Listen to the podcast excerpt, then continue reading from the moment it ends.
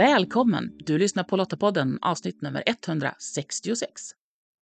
Regeringen har satt upp sex jämställdhetspolitiska delmål och det sjätte handlar om att mäns våld mot kvinnor ska upphöra.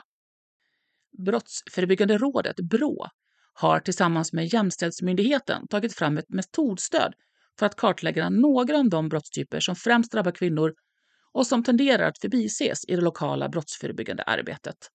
Det handlar om våld i nära relationer, hedersrelaterat våld och förtryck och prostitution och människohandel för sexuellt ändamål. Det här är ett stöd för att på lokal nivå kartlägga problembilden och därmed kunna använda resurserna på smartast sätt. I Lottapodden får du möta personer som på olika sätt bidrar till att stärka vårt samhälle. Jag som är värd för podden heter Maria Öst och jag hoppas att du tar med dig något från det här avsnittet som är ny kunskap för dig, som inspirerar dig eller som kanske till och med ger dig tips så att du kan öka din förmåga att främja, förankra och försvara vår demokrati. Alltså någonting som gör att du stärker din demokratiska beredskap. Lottopodden den är producerad av Svenska Lottakåren och vi är en frivillig försvarsorganisation som engagerar och utbildar kvinnor som vill göra skillnad i vardag, kris och krig för att stärka samhällets beredskap och totalförsvaret. Häng med in i samtalet så berättar Lina Lundborg från Jämställdhetsmyndigheten och Carl Gynne från Brå om hur metodmaterialet har arbetats fram, hur det är tänkt att användas och hur var och en av oss kan vara en del i att synliggöra de här brottstyperna. Lina och Karl, välkommen till Lottapodden. Tack så mycket. Tack så mycket. Jag tänker, eh, bara så att eh, lyssnarna är med på vilka de har på tråden här nu då. Presentera lite kort. Vi börjar med Lina. Jag heter Lina Lundborg. Jag jobbar på Jämställdhetsmyndigheten. Vi har funnits sedan 2018. En av våra största avdelningar är en avdelning som jobbar med det sjätte delmålet i jämställdhetspolitiken som handlar om att mäns våld mot kvinnor ska upphöra. Där jag jobbar jag på en enhet som jobbar särskilt med att utveckla det våldsförebyggande arbetet som ju är en stor del i regeringens politik. Det jämställdhetspolitiska delmålet om att mäns våld mot kvinnor ska upphöra det kräver ju faktiskt att man jobbar förebyggande. Men det är någonting som vi inte har gjort så mycket, så länge. Det är ett stort utvecklingsarbete och med de frågorna jobbar jag på myndigheten tillsammans med flera kollegor. Karl, du kommer ju inte från Jämställdhetsmyndigheten. Jag kommer från Brottsförebyggande rådet, eller det som gemene man känner som BRÅ, eh, som är då en statlig myndighet eh, som under justitiedepartementet som i huvudsak då eh, arbetar med faktorer som är kopplade till brott, brottslighetens utveckling och faktorer som kan påverka, förebygga brott. BRÅ som myndighet har ju funnits längre än Jämställdhetsmyndigheten men har då, vilar egentligen på tre ben, tre huvudsakliga ben. Vi har ett ben som många säkert relaterat kring, kring vår tillämpande forskning. Alltså att vi producerar forskning eh, på, inom det kriminalpolitiska området eh, som på olika, olika sätt ska fungera som ett stöd för att jobba med operationellt med brottsförebyggande arbete eller att ta fram kunskap inom ett område som inte tidigare är belyst. Sen är vi också, eh, vi ombehåller och, och stödjer de rättsvårdande myndigheterna med rättsstatistiken. Eh, och då gör vi det både genom den löpande rättsstatistikprövningen men vi gör ju också olika typer av analyser och rapporter kopplade till, till statistiken. Och det kan ju gälla allt ifrån allmän, den klassiska anmälda brott till mera liksom djupgående analyser. Vi gör också nationella trygghetsundersökningen till exempel. Men den delen som jag jobbar på är eh, en avdelning och en enhet som heter Utveckling av brottsförebyggande arbete, eller UBA. Det är det tredje benet på BRÅ. Och vi jobbar med att eh, omsätta kunskap till ett praktiknära stöd på alla egentligen eh, samhällsnivåer, både nationellt, regionalt och lokalt. Men vårt uppdrag är ju att försöka få utförarna som jobbar brottsförebyggande på olika sätt eh, att, bli, att skickliggöra, så att, att helt enkelt jobba mer kunskapsbaserat och systematiskt. Så det är den delen och då jobbar jag som utredare på, på den delen av Brå. Precis, och vi ska ju prata om ett av de här metodstöden eh, som ni tillsammans som myndigheter har jobbat med just för att eh, kartlägga våld på lokal nivå, just kopplat till eh, våld mot kvinnor. Jag tänker Lina, var, alltså varför togs det här stödet fram? Ja, alltså Brå och Jämställdhetsmyndigheten mm, har samverkat under flera år egentligen och haft utbyte och vi såg ganska tidigt i vår samverkan satte vi fingret på det här behovet av att utveckla stöd för kartläggning därför att vi såg att mm, det sällan görs i det brottsförebyggande arbetet kartläggningar som inkluderar den här typen av brottslighet. Och sen är det ju också önskemål från, från praktiken att vi som myndigheter eh, samordnar vårt kunskaps och metodstöd mer än vad vi har gjort tidigare. Det har liksom mm. funnits en, ska man säga, det har glappat lite både nationellt, regionalt och lokalt mellan det brottsförebyggande arbetet och det våldsförebyggande arbetet. Vi har ju som myndigheter funnits olika lång tid och våra fält har ju också funnits under lång, olika lång tid och det påverkar ju givetvis. Eh, sen har vi också lite olika ingångar i arbetet men det vi har kunnat visa på genom det här stödet tänker jag är mycket att det finns stora möjligheter att utveckla samverkan nationellt, regionalt och lokalt kring de här frågorna. Våra, våra områden överlappar och kompletterar varandra. Helt nödvändigt att ta i hand i de här frågorna. Framförallt så var det då ett behov som man har sett av att det här liksom inte in, de här, den här typen av brott ingår idag sällan i det brottsförebyggande arbetet. Man gör, jobbar sällan med kartläggning av de här brottstyperna och det leder ju då i sin tur till att man inte sen jobbar med, med de här brotten i det efterföljande arbetet när man tar fram åtgärder för eh, för arbetet med att förebygga brott. Eh, och ytterst blir det faktiskt en jämställdhetsfråga också eftersom att det finns en tendens att man prioriterar brott som sker i offentlig miljö och som främst drabbar män, men men prioriterar ner brott i nära relationer eller brott som, eh, som främst drabbar flickor och kvinnor, såsom de våldstyperna som vi har med i det här metodstödet, alltså mäns våld mot kvinnor, i form av våld i nära relationer, hedersrelaterat våld och förtryck, prostitution och människohandel för sexuella ändamål. Det är väldigt omfattande brottslighet, men som sagt tyvärr någonting som fallit bort lite i det brottsförebyggande arbetet. Inte helt och hållet, men, men just i kartläggningsarbetet så såg vi att det, det var väldigt lite aktivitet. Så att vi tror att det, det, är en viktig ingång för att också få till ett um, mer utökat arbete mot den de här brotten. På lokal nivå är det ju tänkt framförallt, men vi ser ju också då att länsstyrelserna bör kunna gå samman i stödet och vi som myndigheter går samman i stödet. Så det finns vinster på flera nivåer genom att jobba så här samordnat. Jag ställer upp på precis allting som Lina precis har redogjort för. Det man kan säga då det är att eh, för att ge ett, ett sammanhang utifrån hur arbetet kring de brottsförebyggande frågorna egentligen i huvudsak bedrivits så, så finns det ju, vi, vi driver ju på Brå ett, ett narrativ att Eh, man ska utgå från en lokal problembild när man beslutar om vilka typer av brott som bör prioriteras. Alltså, vi på nationell nivå har väldigt svårt att peka ut hur brottsligheten varierar i alla Sveriges lokala kommuner eller områden, utan det vet de lokala aktörerna bäst själv.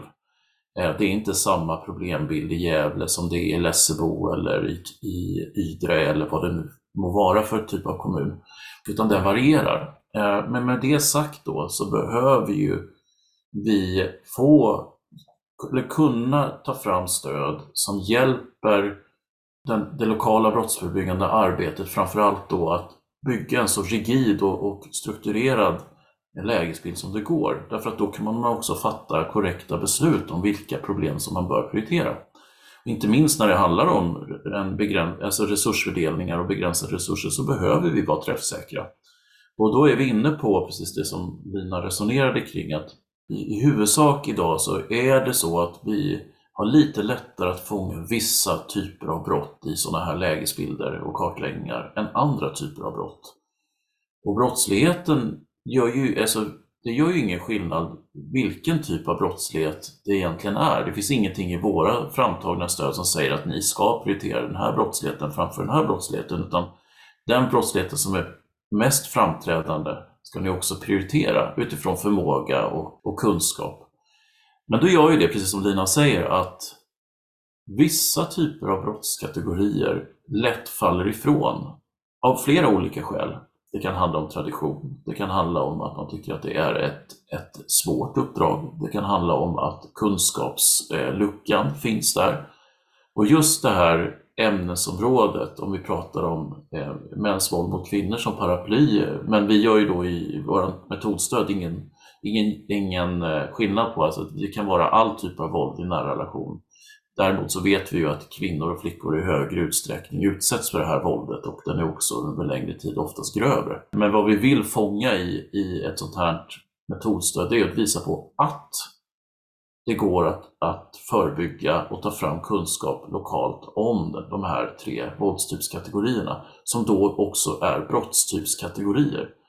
Annars tenderar vi, precis som Lina säger, att få ett utfall i det brottsförebyggande arbetet där vi lite lätt slentrianmässigt kanske alltid prioriterar eh, vissa typer av våld, oftast i offentlig miljö, för det går att ta på, man har vittnen, det är lite enklare att bygga struktur kring. Och då vet vi att våld i offentlig miljö i högre utsträckning drabbar män eller pojkar. Eh, Medan våld i hus och hem eller i nära relationer i högre utsträckning drabbar flickor och kvinnor.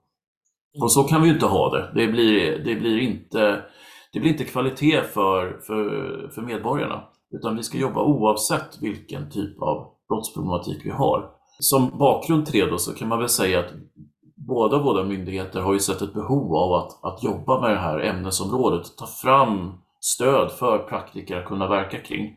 Sen blev det ett formaliserat uppdrag också. Vi fick det i tilläggsdirektiv under 2021 från, från alltså Brå fick det utifrån ett tilläggsdirektiv utifrån vårt regleringsbrev att vi skulle ta fram ett sånt här prestationsstöd och att vi skulle göra det i samverkan med Jämställdhetsmyndigheten och i samråd med Socialstyrelsen. Och det är viktigt att påpeka att det är ett, även om vi har åskådliggjort att det här är ett gemensamt behov så fanns ett formaliserat uppdrag i grunden. Och hur har ni då tillsammans jobbat med att ta fram det här metodstödet? Ja, det här eh, uppdraget, som, regeringsuppdraget som Karl nämnde nu här avslutningsvis, det gick ju till Brå. Så att Brå har ju varit projektledare och lagt den större delen av arbeten, arbetstiden kan man väl säga, i det här arbetet. Sen har vi samverkat kring innehållet och från Jämställdhetsmyndigheten har vi ju deltagit i att skriva delar i, i stödet, framförallt de delar som gäller hur det brottsförebyggande och det brott, våldsförebyggande överlappar och en del kring begrepp och naturligtvis utifrån vår sakkunskap kring materialet i stort. Då. Det, det var ju formaliserat utifrån att vi ålades, som båda myndigheter, ett ansvar att, att hitta en samverkan för det här. Och det är ju logiskt sett till våra kunskapsfält.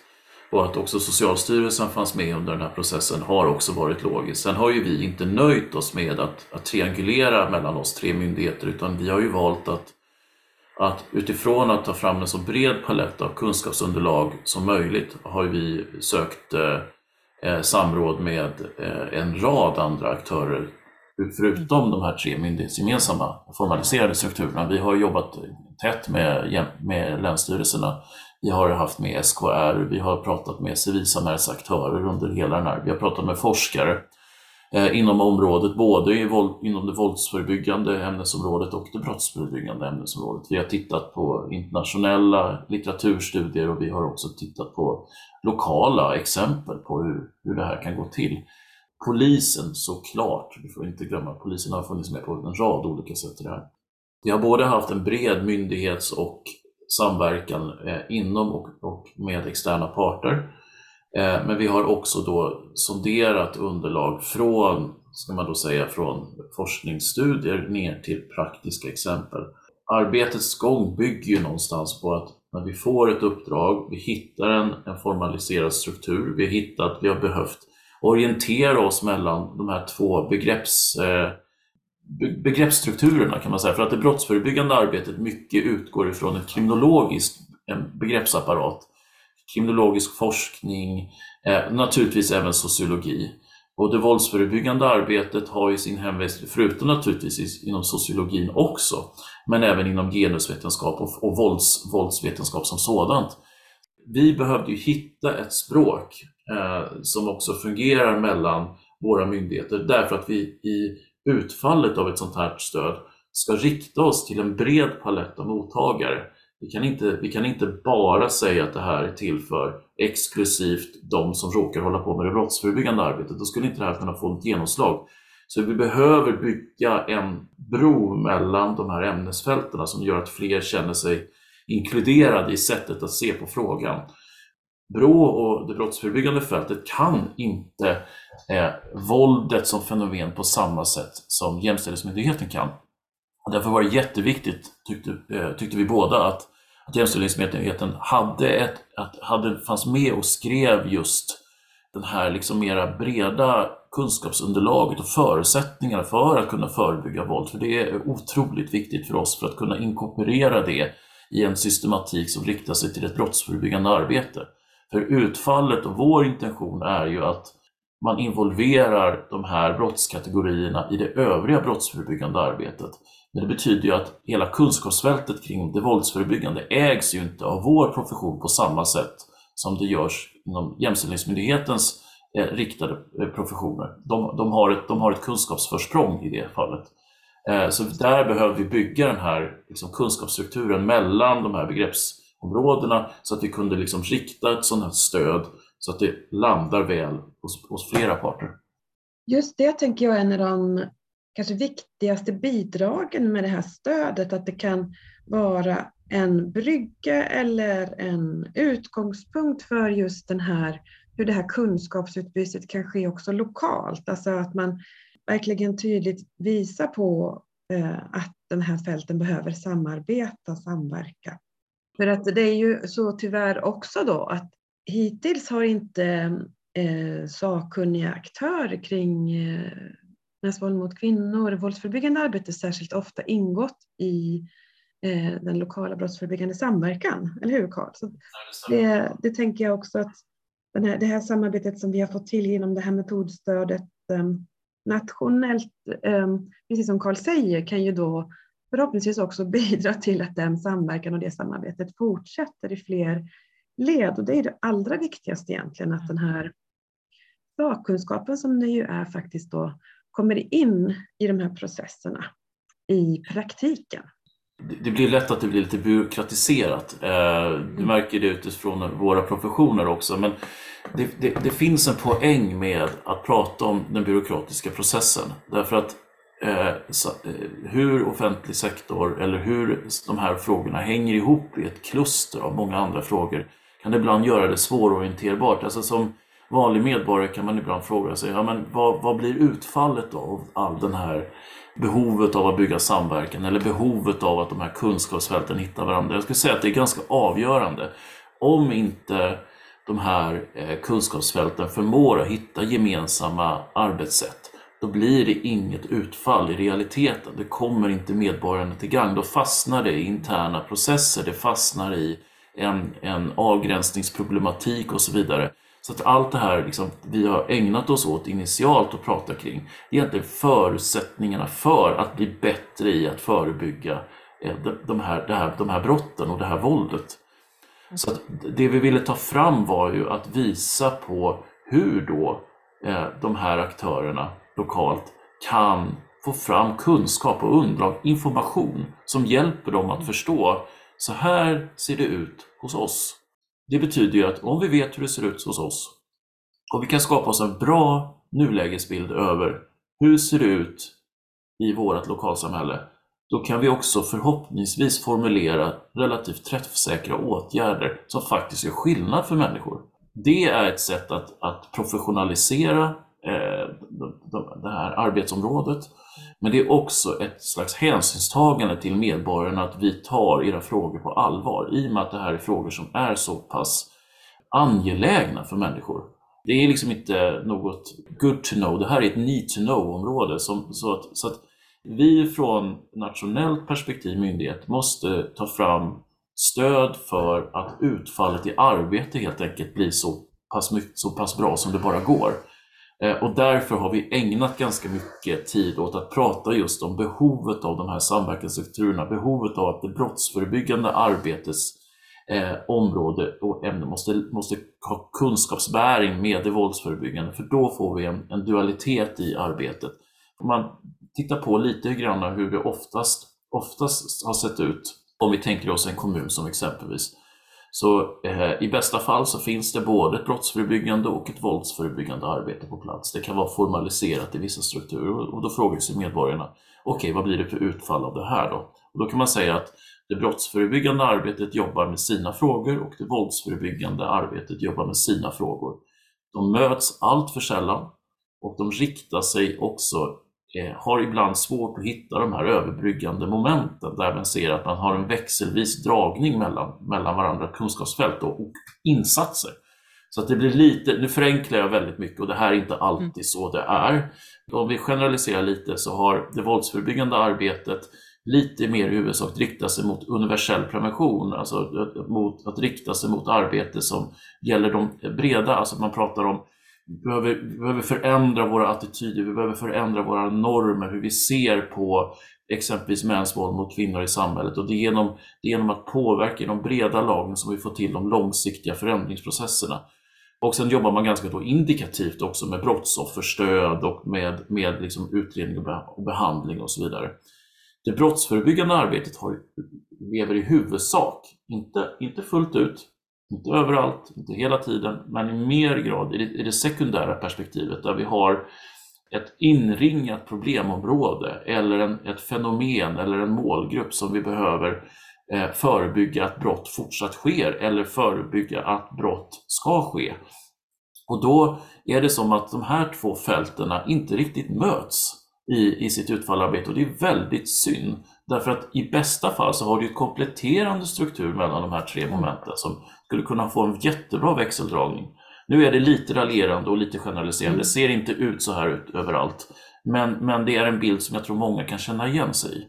Nej men också tänker jag, alltså, apropå det du säger nu Karl, lite grann tidsperspektiven. Att, jag vet inte om du håller med mig om jag säger att mycket av det här liksom lägesbildsarbetet tenderat kanske att vara ganska med fokus på eh, incidenter i närtid och med ganska starka polisiära ingångar. Att man kanske inte alltid fullt ut har nyttjat eh, kommunens underlag fullt ut. Och just att verkligen nyttja också i lägesbildsarbetet och kartläggningsarbetet eh, den fulla potentialen av de underlag som kommunen har. Det ser mm. jag som en möjlighet och då kan ju det här vara ett väldigt bra praktiskt stöd och ett bra exempel på hur man kan nyttja många olika typer av underlag in i ett lägesbilds och kartläggningsarbete. Och där man kanske också behöver tänka lite mer över tid, inte bara i närtid. Liksom gå in och, och ta vara på fler underlag kanske. Och det, eh, alltså, det är nödvändigt också i den här typen av processer som gäller mäns våld mot kvinnor, den typen av brott där man um, behöver titta på en annan typ av data och där man kanske allra helst gör en breddad kartläggning också, där man har med kvalitativa underlag till viss del eh, som kompletterar statistik och så vidare. Och där kommer ju den här sakkunskapen in också. Alltså, kommunen har ju ofta inte alltid eh, lika uppbyggd struktur för det breda våldsförebyggande arbetet, även om det är en teoretisk ingång som, som vi, vi använder oss av. Men socialtjänst finns ju alltid på plats och kvinnojourer brukar också finnas på plats. Och nu är ju det här materialet eh, nytt, men hur har det tagits emot hittills? Har ni, hunnit fått någon återkoppling om hur just jag tänker kommunerna har, ser på materialet? Det har varit en spännande process såklart och det är väl det är väl skönt att man kan säga så. När, när, för det är det man hoppas på när vi skriver fram ett sånt här typ av stöd som ska vara för praktiker. Det här är inte ett forskningsrapport. Det är inte en metastudie utan det är för praktiker att kunna inkorporera i vardagen. Vår bild är att det, att det, finns ett, ett, stort intresse för, för, för detta och det, det har ju lite att göra med tidsandan som vi har nu. Frågorna är relevanta för många aktörer, både utifrån, det kommer en lag för kommunerna som då på många sätt skulle kunna vara, som kan potentiellt vara Sveriges eh, främsta brottsförebyggande aktör för att kommunen sitter med många fler verktyg än vad polisen gör. Kommunerna har från 1 juli ett lagstadgat ansvar att jobba med brottsförebyggande frågor, vilket de inte har haft tidigare. Det kommer att göra skillnad på sikt. Hur de då ska jobba är ju in, är ju inte fritt valt arbete utan de måste jobba enligt en kunskapsgenererande process. Alltså de måste jobba systematiskt med att ta fram vad är det för typ av brottsproblem vi har? Vad beror de på? Vilka åtgärder ska vi sätta in som träffar mot de här brottsproblemen och hur följer vi upp dem? Och det här metodstödet, det här praktikernära metodstödet är ju till för att ge dem kunskap över hur de här tre brottsfenomenen ser ut lokalt. Så att hela liksom, stödet är skrivet för praktiker att kunna använda i vardagen. Och att de ska göra det på samma sätt som de kartlägger annan typ av brottslighet. Och de ska också kroka arm med kunskapsbärare, till exempel våldsförebyggare eller civilsamhällsaktörer eller hälso och sjukvård. De som bär kunskap i frågan. Därför det gör oftast inte de brottsförebyggande aktörerna idag. Det är därför det inte kommer med. Hela metodstödet är byggt på exempel på så här kan ni ta fram information som hjälper er att förstå den, er lokala situation. Om det då är för att man behöver tillfråga civilsamhällsaktörer och man behöver tillfråga polis, man behöver tillfråga kommunens egna organisation, man behöver tillfråga hälso och sjukvård, man behöver tillfråga kanske fastighetsförvaltare eller liknande. Det är ju utifrån vilka förutsättningar som finns i kommunen. Är det en stor kommun? Är det en liten kommun? Finns den i en storstadskontext eller i en glesbygdskontext? Vilken kapacitet finns hos de här aktörerna att jobba tillsammans? Finns det ett formaliserat arbete och så vidare. och så vidare. Allt det är förutsättningar för. Men utfallet av det är ju att med det här metodstödet ska de få en hjälp att tänka så här kan vi göra, det här är information vi kan få fram. Och då ska man ju säga att med all information så finns det ju alltid fördelar, fördelar och begränsningar. Det, och det är därför, vi, vi pratar ju ofta om det och där har vi hittat varandra mellan Jämställdhetsmyndigheten och, och Brå och det är väldigt roligt att vi var så tydliga med det, att det finns liksom inte en informationskälla som trumfar alla andra informationskällor. Vilket då lite traditionellt sett, och Lina är ju inne på det, och jag kan bara bekräfta det, att traditionellt sett så när det brottsförebyggande arbetet inte har utvecklats så mycket så förlitar man sig väldigt mycket på polisiärt underlag. Man lägger väldigt många av sina ägg i samma korg och det är exempelvis anmälarbrott. Och pratar vi om exempelvis våld i nära relation eller hedersrelaterat våld och förtryck eller prostitution och människohandel för sexuella mål så vet vi ju att anmälarbrott är en ganska usel informationskälla för att beskriva omfattning och struktur. Alltså det räcker inte att vi tar tempen på anmälda brott och tittar på. Vi vet att så många av de här brotten aldrig anmäls. Det kommer aldrig till polisens kännedom. Kommer aldrig in i systemet. Av inte minst det skälet så behöver ju vi hitta andra kompletterande informationskällor som hjälper oss att vidimera eller på något sätt väga exempel, exemplet anmäla brott mot till exempel, ja, men vad säger socialtjänsten då? Vad säger kvinnojouren? Vad säger brottsofferjouren? Vad säger eh, akutmottagningen på sjukhuset? Och så vidare och så vidare. Det hjälper oss att förstå och få en bättre total bild över vårt nuläge. Går vi bara på anmälda brott så kommer de här brottskategorierna i princip aldrig prioriteras. Det är en huvudpoäng till att sånt här metodstöd tas fram. Lägg inte alla ägg i en korg. Triangulera kunskapsunderlaget. Få fram en vidimering som ni kan jämföra och sen kan ni fatta beslut om vad ni kan prioritera och vilka åtgärder som bäst behövs. Och här möts ju det brottsförebyggande och det våldsförebyggande arbetet på många sätt. Just genom att kunskapsgrunden bygger på den här, fler informationskällor hjälper oss att bättre förstå. Och vet vi varför då de här brotten inte anmäls? Vi vet ganska mycket om varför den här typen av brott inte anmäls. Eh, och Lina tror jag är ännu bättre än jag att svara på just eh, grundorsakerna till varför det här är på många sätt ett, ett brottskategorier som som inte anmäls i hög grad. Det handlar om makt. Det handlar om eh, eh, vilken situation man befinner sig i. Det kan handla om man är beroendeställning gentemot varandra. Det kan handla om hur samhället i stort ser på den här typen av brottslighet. Det kan handla om hur utsatt man är som potentiellt brottsoffer att anmäla. Det handlar om kunskaper kring att, att liksom se att det här faktiskt inte är någonting som eh, jag ska utsättas för. Det finns en hel ratta med olika parametrar. Vad jämför det med en brottskategori där i princip vi har en hundraprocentig överföring mellan antalet brott och Eh, anmäla brott. Det är ju exempelvis bilinbrott eller försäkringsärenden som måste anmälas till försäkringsbolagen för att få ut försäkringspengar. Då finns det liksom ett ekonomiskt incitament att anmäla brottet för att annars betalar inte försäkringsbolaget ut detta. Och det är oftast eh, av en karaktär som inte träffar en närmast in i själen. Men det här är brott som påverkar innanför det som ofta ska vara ens allra tryggaste sfär, hus och hemmet. Och det blir på så många sätt en så mycket högre utsatthet än, än exempelvis ett bilinbrott. Nej, men jag tycker du beskrev, jag behöver nästan inte lägga till någonting Karl, för att det är ju det här som är utmaningen med den här typen av brottslighet.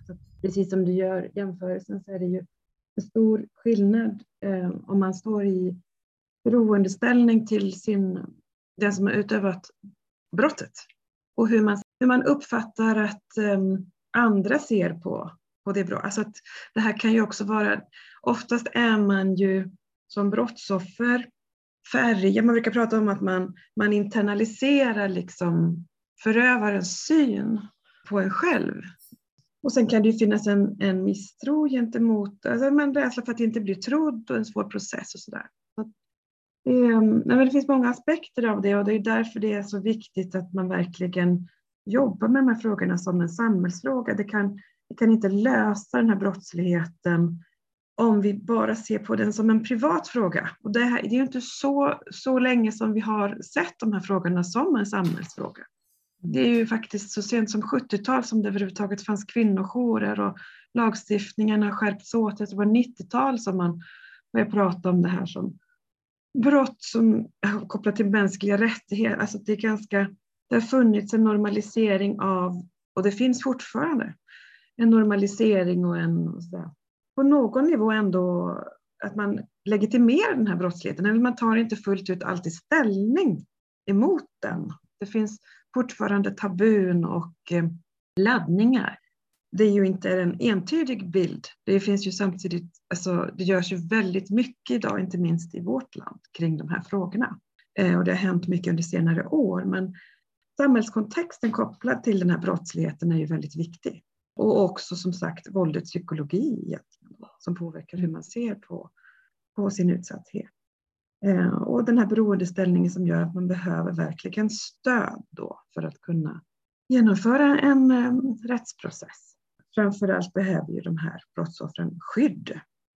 Den här eh, tystnadskulturen den har ju ändå på något vis börjat naggas lite i kanten tänker jag efter eh, metoo inte minst som, de ju blev eh, ett uppvaknande för många om hur oerhört vanlig den här brottsligheten är. Och att eh, den man inte tror kan vara en våldsutövare kan vara det. Och eh, alltså att väldigt många flickor och kvinnor utsätts för våld. Vi som har jobbat med den frågan var kanske inte så förvånade när metoo kom. Men på samhällsnivå så var det ändå på något vis lite av ett uppvaknande. Och jag tror att det, just de aspekterna är väldigt viktiga. Eh, och ju mer vi pratar om de här frågorna och ju mer vi från samhällets sida visar att det här är någonting som eh, vi jobbar emot. Och vi jobbar både med att erbjuda stöd och behandling till den som utövar våld och stöd och skydd för de som drabbas av våldet. Och vi tar avstånd från våld och jobbar aktivt med att motverka och förebygga. Det har betydelse, tänker jag, på längre sikt för hur, hur den här brottsligheten också lagförs. Och nu, det här metodstödet är ju då tänkt för jag tänker det offentliga, kommuner och som ni sa, möjligtvis eh, länsstyrelsenivå. Men alltså som medmänniska då, vad, vad, vad, kan man göra som individ för att faktiskt hjälpa till att skapa den här förändringen då som du pratar om Lina? Det här att att vi ändrar det på samhällsnivå, att det här blir någonting som eh, är lika självklart att det är fel som någon annan kategori? Alltså på, på en medmänsklig nivå så handlar det ju om att våga ställa frågor.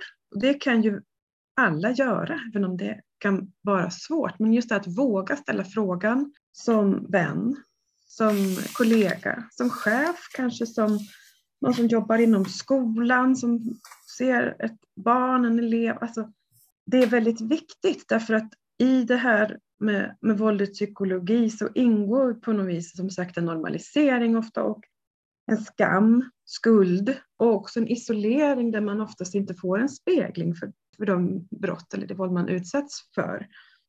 Så att ställa frågor, att benämna våld som våld, att även om man inte får ett, en bekräftelse så, så är frågan viktig för att, för att det, kan, det sänder viktiga signaler. Alltså, så som vi jobbar med de här frågorna i Sverige, det gäller ju inte bara Sverige förstås, så ser vi ju det här som den yttersta konsekvensen egentligen av ett ojämställt samhälle. Och det innebär ju också att det finns en skala här.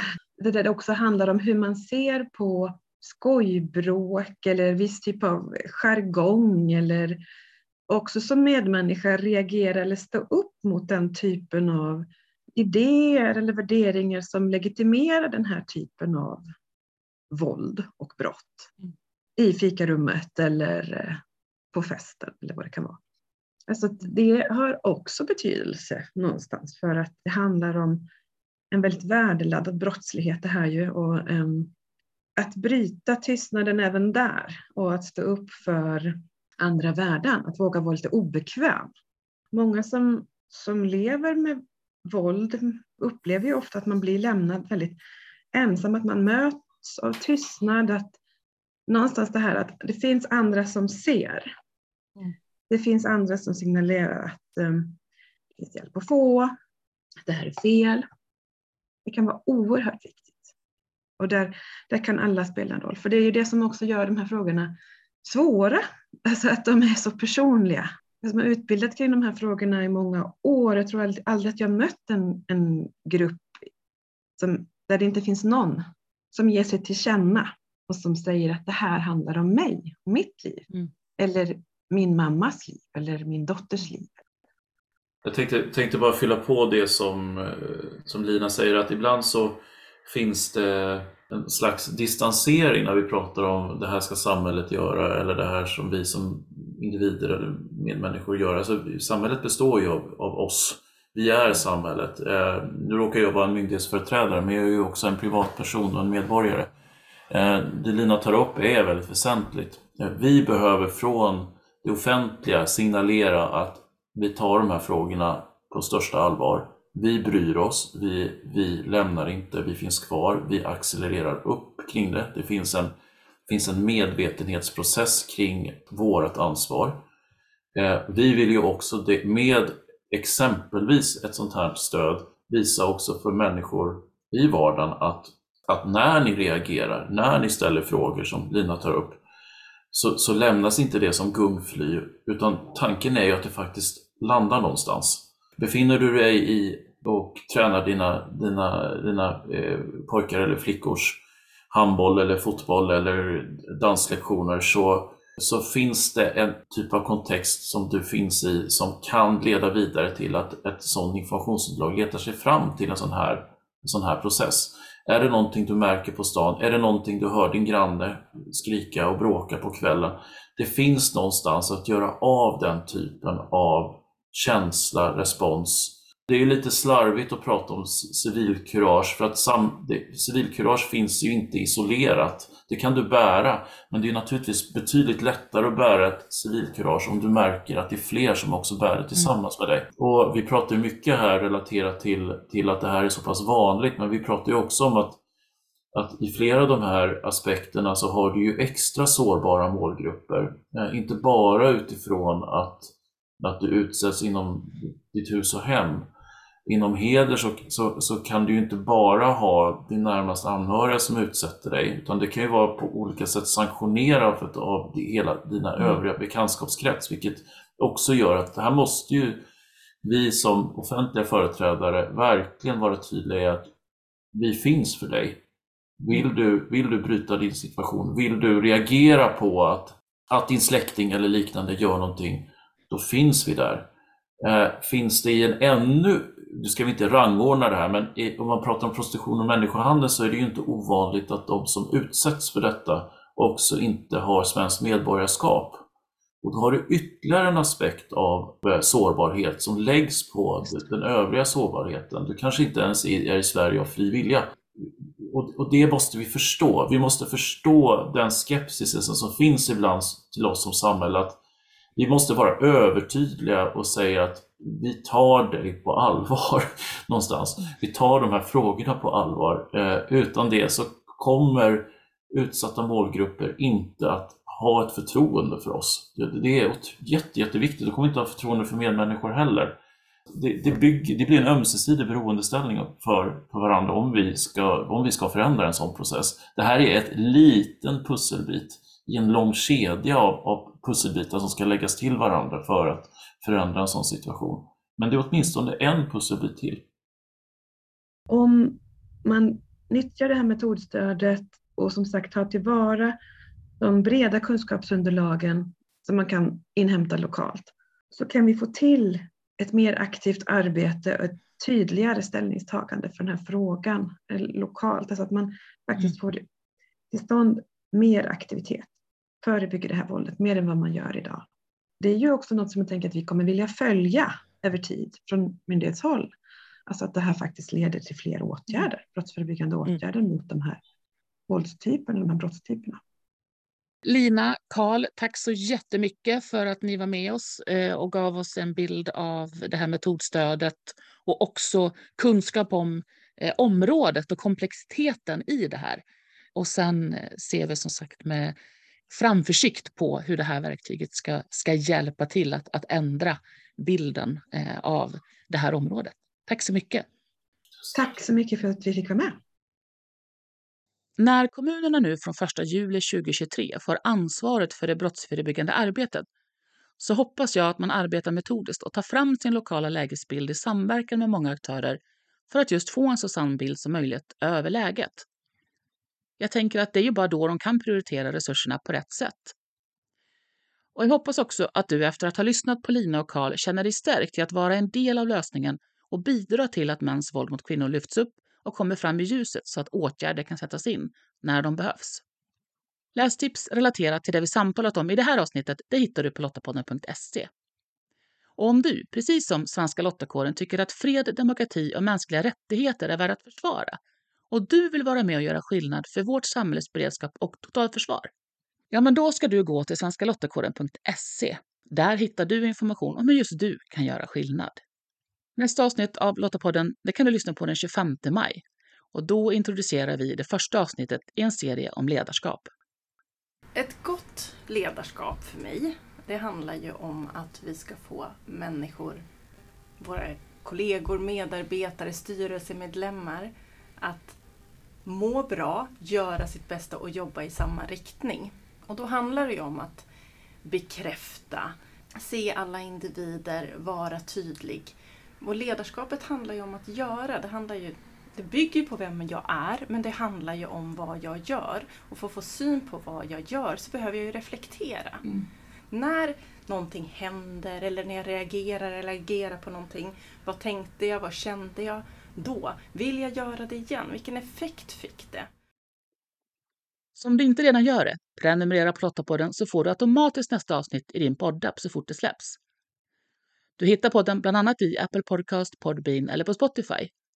Och om du gillade det här avsnittet så dela det gärna med dem i ditt nätverk du tror skulle vara intresserade av just det här ämnet.